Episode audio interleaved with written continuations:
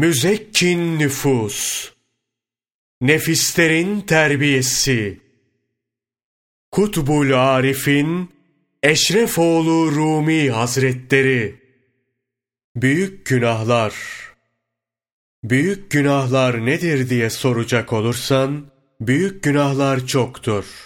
Birkaçını söyleyeyim de öğren. Mesela Allah'a şirk koşmak, anne babaya karşı asi olmak, içki içmek, zina etmek, haram yemek, faiz alıp vermek, gıybet etmek, namazı terk etmek, livata fiilini işlemek, zekat vermemek, imkanı olduğu halde hacca gitmemek, oruç tutmamak. Bunlar ve buna benzer günahlar. Hak Teâlâ'nın yasakladığı ne varsa, hepsinin büyük günah olduğu konusunda ulema ittifak etmiştir. Büyük günahlara girmeyip, bunları terk edenler, zerre kadar iman sahibi olanlardır. Büyük günahlar içinde ismi geçen livata fiili, büyüğün büyüğü bir günahtır. Yeri geldiği için anlatıyorum. Livatanın ne kadar büyük günah olduğunu öğrenmenin faydası çoktur. Livata nedir bilir misin? Erkeğin erkekle cinsel ilişki kurması livatadır. Hak Teâlâ Kur'an-ı Kerim'de Araf suresi 80. ayeti kerimede şöyle buyurur. Ve Lut kavmine şöyle demişti. Dünyada sizden önce hiç kimsenin yapmadığı iğrençlikleri mi işleyeceksiniz? Hak Teâlâ, işlediğiniz günah çok murdardır. Önceki ümmetlerden hiçbiri bu günahı işlemedi diyor. Allah ona rahmet eylesin. Malik bin Dinar şöyle der. Erkeğin erkekle beraber olması gibi kötü bir fiil, önceki ümmetlerin hiçbirinde görülmedi. Bu sadece Lut kavminde yaşandı. Bunu da Allah'ın lanetine uğramış şeytan gelip gösterdi. Onu şeytandan öğrendiler. Maksadı onları Hak Teâlâ'nın hışım ve gazabına uğratmaktı. Nihayet bunu başardı da. Livata'nın Lut kavminde işlenmesine işaret olarak Hak Teâlâ Araf suresi 81. ayeti kerimede kadınları bırakıp şehvetle erkeklere mi yanaşıyorsunuz buyurur. Yani hayvani bir şehvetle kadınları bırakıp erkeklerle mi ilişkiye giriyorsunuz? Halbuki Allah'ın birliğine inanan kadınlardan kızlarınız ve oğullarınız olmak suretiyle kıyamete kadar nesliniz devam eder. Şüphesiz Hak Teâlâ'nın verdiği şehvetin hikmeti, insan neslinin devamıdır. Siz bu hikmetten gafil oldunuz. Yaratılışları üzere sadece şehvetlerinin tatmini için birleşen eşekler gibisiniz. Livata fiilini işlemek, cehalet ve şekavet içerir. Hak Teâlâ, yukarıdaki ayetin devamında, siz Allah'a karşı haddi aştınız buyurarak, helali bırakıp harama yönelmekle Allah'a karşı gelmek noktasında aşırıya gittiniz diyor. Allah Celle Celaluhu ile bu fiili işleyenler arasındaki hitap şu ayeti kerimelerde anlatılıyor. Siz ille de erkeklere yaklaşacak, yol kesecek ve toplantılarınızda edepsizlik yapacak mısınız? Kavminin cevabı ise şöyle demelerinden ibaret oldu. Eğer doğru söyleyenlerdensen Allah'ın azabını getir bize. Bunun üzerine gönderilen Cebrail aleyhisselam bir kanat darbesiyle fesat ehlini yedi kat yerin dibine sokar. Cebrail aleyhisselam önce bunları şehirleriyle birlikte gökyüzüne çıkarır. Yakın gökteki melekler, horozların ve köpeklerin seslerini duyar. Kötü fiillerinden dolayı Allah'ın azabına uğramalarına üzülüp ağlarlar. Cebrail aleyhisselam, 400 bin nüfuslu bu şehri yukarıya çıkardıktan sonra onu baş aşağı çevirip bırakır. Hak Teala azap meleklerine emir buyurarak bu şehrin üzerine cehennemin büyük sıcak taşlarını yağdırır. Her bir taşın üzerinde Luti bir fasığın adı yazılıdır. Böylelikle şehir halkının hepsi helak olur. Şehrin yerinden katran şeklinde sular çıkıp orası göl olur. Hak Teala Kur'an-ı Kerim'de ne zaman azap emrimiz geldi, şehirlerinin üstünü altına getirdik buyurur. Bu ayetteki siccil kelimesi aslında siccin idi. Nun harfi lam harfiyle değiştirildi. O taşlar cehennemden yağmur damlaları şeklinde dizilerek yağdı demektir. O taşlar Rabbinin yanında damgalanarak istifedilmişti. Bu ayette her taşın üzerinde bir fasığın isminin yazıldığı, fasıkların üzerinde isimleri yazılı taşlara hedef olup helak olduğu anlatılmaktadır. Bu taşlar zalimlerden uzak değildir. Allah ona rahmet eylesin. Hasan-ı Basri'yi anlatır. Bu ayette ümmeti Muhammed'den livata fiilini işleyenler için de bu azaptan korkmak gerektiğine dair uyarı vardır. Bu sebeple Resulullah Efendimiz sallallahu aleyhi ve sellem şöyle buyurmuştur. Cebrail'e ayette geçen zalimlerin kimler olduğunu sordum. O bana ümmetinden livata fiilini işleyenlerdir. Bunlardan daha zalim başkası yoktur. Kişi bu fiili işlediği yerde cehennem taşlarından biri onu helak etmek üzere üzerinde asılı durur dedi. Hak Teala Lut kavminin durumunu bildiren ayette devamla şöyle buyurur. Ve ondan geriye aklını kullananlar için açık işaretler bıraktık. Kimi müfessirlere göre Hak Teâlâ'nın nişan olarak tarif ettiği şey, Lutilerin üzerine yağdırılan cehennem taşlarıdır. Bu ümmetin evvelkileri bu taşları görmüştür. Kimi müfessirlerde nişandan kastın o şehrin yerinde oluşan göl şeklindeki karası olabileceğini söyler. Şimdi bu göl gerçekten büyük ve kapkara murdar bir yerdir. Onu uzaktan gören korkar. Ona Lut Gölü denir. Hazreti Musa aleyhisselamın türbesine yakındır.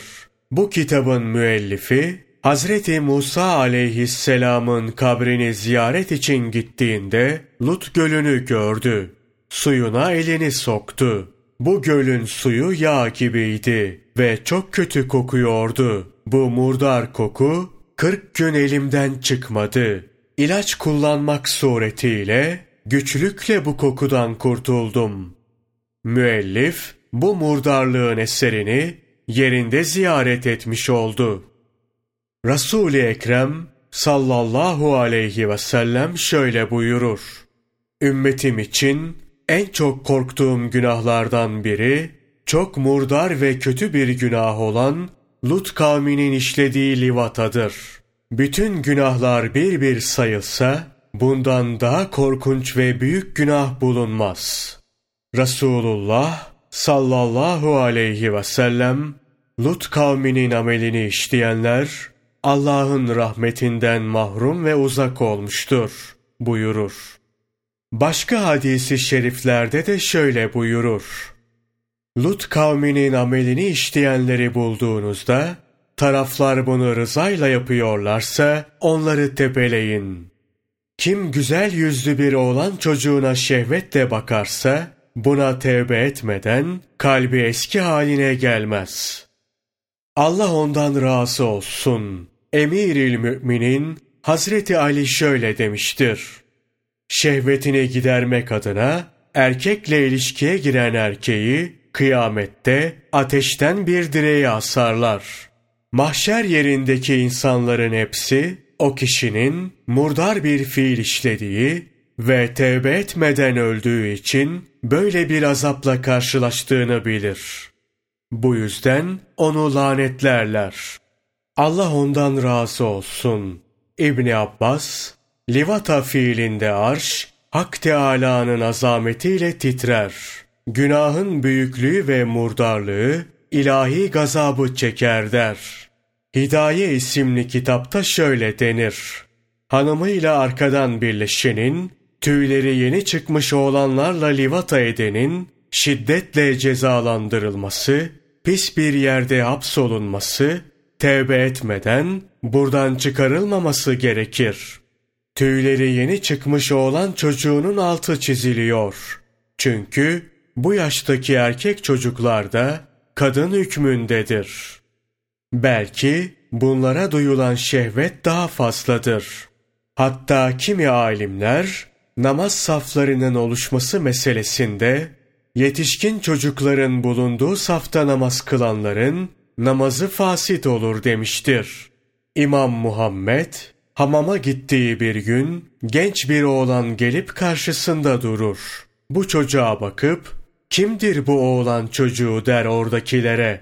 Efendim tellaktır derler. Bunun üzerine İmam Muhammed çok kızar. Talebelerine emredip çocuğu hamamdan çıkartır. Kimisi bende şehvet yoktur. Şehvet de değil, suretin güzelliğine bakıyorum der. Bu yaklaşım da yanlıştır. Hak Teâlâ, şehvet uyandıran kadın veya oğlanlara bakmayı haram kılmıştır. Nitekim şöyle buyurmuştur. Mümin erkeklere söyle, gözlerini bakılması yasak olandan çevirsinler ve iffetlerini korusunlar. Temiz ve erdemli kalmaları bakımından en uygun davranış tarzı budur. Şüphesiz Allah, onların işledikleri her şeyden haberdardır. Onlar, devenin nasıl yaratıldığına, semanın nasıl yükseltildiğine, dağların nasıl dikildiğine, yerin nasıl yayıldığına hala ibretle bakmazlar mı? Allah ondan razı olsun. İbni Abbas, bu ayeti kerimelerin iniş sebebiyle ilgili bir rivayette bulunur. Meğer Resulullah Efendimiz sallallahu aleyhi ve sellemin zamanında münafıklar güzel oğlanlara bakıp Hak Teâlâ'nın yaratıştaki mükemmelliğini ve kudretini düşünmek için bakıyoruz. Nefsimizin şehvetini tatmin etmek gibi bir maksadımız yoktur, diyorlarmış. İşte bu bozuk düşünce ve yönelişleri ortadan kaldırmak için Hak Teâlâ, Gâşiye suresinin yukarıdaki ayeti kerimelerini gönderir. Bu ayeti kerimelere bakıldığında Hak Teâlâ'nın şöyle buyurduğu anlaşılacaktır. Ya Muhammed! Münafıklara de ki, develeri görmüyor musunuz? Ne kadar sağlam ve sahiplerine itaatkardırlar. Cüsselerine rağmen ne istenirse o hizmeti yerine getirirler. Kafile halinde beş yaşındaki çocuk bile onları sürüp götürür. O boy ve cüsselerine uygun, huylarında sertlik ve serkeşlik olsaydı, bir deveyi yirmi kişi zapt edemezdi. İşte yaratmadaki ve kudretimdeki kemal, develerde görülebilir. Şu göklere baksınlar. Ne kadar büyük ve yücedirler. Öylece ayakta, direksiz duruyorlar. Dağları görmüyorlar mı? Çiviyle çakılmış gibi yerlere mıhlanmışlar. Ve yere bakmazlar mı? İnsanoğlunun yaşamına uygun nasıl döşenmiştir? İnsanda basiretle bakacak göz varsa, ibretle bakılacak yerler buralardır. Güzel oğlan yüzüne bakıp ibret alıyorum demek büyük hatadır. Allah ona rahmet eylesin. İmam-ı Azam Ebu Hanife ile ilgili anlatılır. Büyük imam, İmam Muhammed'e yıllarca hocalık yapar. Talebesi sakalsız olduğu için bir kez olsun yüzüne bakmadığı söylenir. Bir gün imama öğrencilere dağıtılsın diye birkaç tarak hediye edilir. İmam bu tarakları öğrencilere verirken İmam Muhammed'i atlar. İmam Muhammed, ey Müslümanların imamı, bana tarak vermediniz. Tarağa ihtiyacın olmadığı için vermedim. Ama ey imam, sakallarım çıkmaya başladı. Bunun üzerine başını kaldırıp İmam Muhammed'in yüzüne bakar. Dua edip kendisine de bir tarak verir. İmam Muhammed ayağa kalkar, tevazuyla İmam-ı Azam'ın ellerinden öper. Dua ve sena eder. Ey aziz! Düşün şimdi, İmam-ı Azam'ın nazarından daha iyi nazar olur mu? Onun nefsinden daha güvenilir nefs olur mu? İmam-ı Azam, ellerinde büyüyen, yıllarca kendisine talebelik eden, evladı gibi olan İmam Muhammed'in yüzüne sakalı çıkıncaya kadar dönüp bakmıyor. İşte bu yüzden nefse güvenmek olmaz. Nefsim terbiye olmuştur. Kötü nazarla bakmam demek doğru değildir. Görmez misin? Hak Teala Yusuf peygamber aleyhisselamdan şöyle haber verir. Ben nefsimi temize çıkarmıyorum. Çünkü nefs aşırı şekilde kötülüğü emreder. Rabbim acıyıp korumuş başka. Şüphesiz Rabbim çok bağışlayan, pek esirgiyendir. Şimdi nefsim temizdir, kötü niyetle bakmıyorum diyerek güzel hatunlara ve tüyleri yeni çıkmış olanlara bakan fasıktır. Bakmak bize helaldir derse kafir olur. Allah korusun. Resulullah sallallahu aleyhi ve sellem şöyle buyurur. Hanımı ve cariyesi olmayan yabancı güzel kadınlara bakmak şeytanın zehirli oklarından bir oktur. Kişi Allah'tan korkup bu bakıştan vazgeçerse Allah o kişiye lezzetini kalbinde hissedeceği bir iman verir. Allah ona rahmet eylesin. Süfyan-ı Sevri Hazretleri şöyle konuşur. Ümmeti Muhammed'in livata edenleri üçe ayrılır. Bir kısmı bakmak suretiyle livata fiilini işleyenlerdir. Nitekim Resulullah sallallahu aleyhi ve sellem gözler de zina edicidirler buyurur. Evet, harama bakmak göz zinasıdır. Livata edenlerin ikinci kısmı dokunmak suretiyle bu fiili işlerler. Kimi zaman oğlanı okşamak veya çimdiklemek de livata hükmüne geçer. Üçüncü kısımsa doğrudan doğruya fiili işleyenlerdir. Meşayih-i kiram şöyle buyurur. Şehvetine düşkün biri, oğlanın birini şehvetle öpse, kıyamet gününde Hak Teâlâ'nın emriyle getirilen ateşten bir makasla bu dudaklar kesilir. Dudaklar tazelenir, bir daha kesilir. Hak Teâlâ'nın dilemesi kadar bu azap devam eder. Eğer kişi oğlanla fuhuş yaptıysa, Hak Teâlâ, kadınları bırakıp erkeklere mi yanaşıyorsunuz buyurarak cehennemden bir köpek getirilir. Bu köpek, fuhşu yapan kişinin üzerine atlayarak onu yüzüstü yere yıkar. Arkasından parçalar. Bu işkence Allah'ın dilemesi kadar sürer. Bu kişinin bağırsak ve kanından öyle kötü kokular çıkar ki cehennem ehli, cehennemde elli yıl daha kalalım, yeter ki şu pis kokuyu almayalım derler.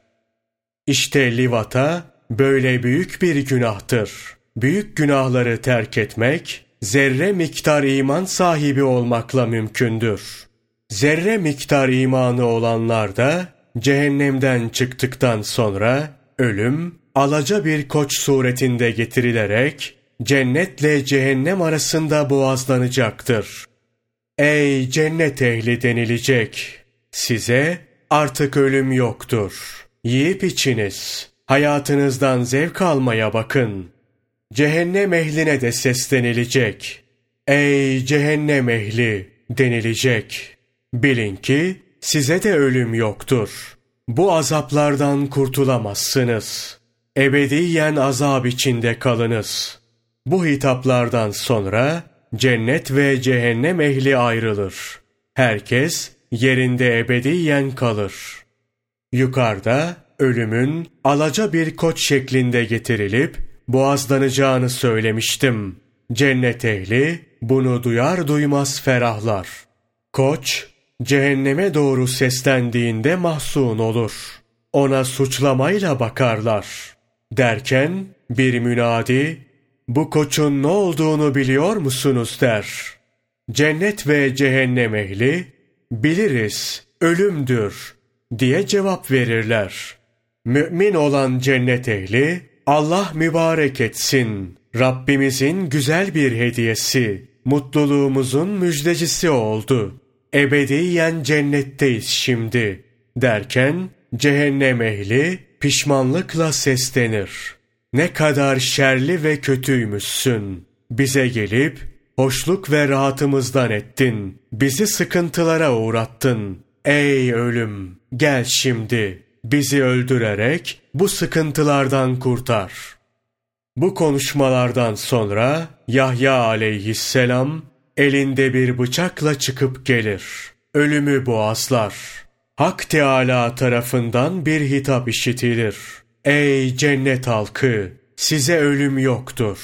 Varın, zevk ve sefanıza dalın. Ve ey cehennem halkı! Size de ölüm yoktur. Varın siz de ebediyen bu azaplar içinde kalın. Cehennemin kapıları kapatılır. İnsanlar ve şeytanlar iç içe ateşte kalırlar. Cehennemin kapıları kilitlenip mühürlendikten sonra içerisi kapkaranlık olur. Kimse birbirini göremez. İçerden işitilen feryatlara kimse çare olmaz. Orada öylece ebediyen kalırlar. İlahi, Ya Rabbel Alemin, ümmeti Muhammed'i bu zorluk ve azaplardan emin eyle.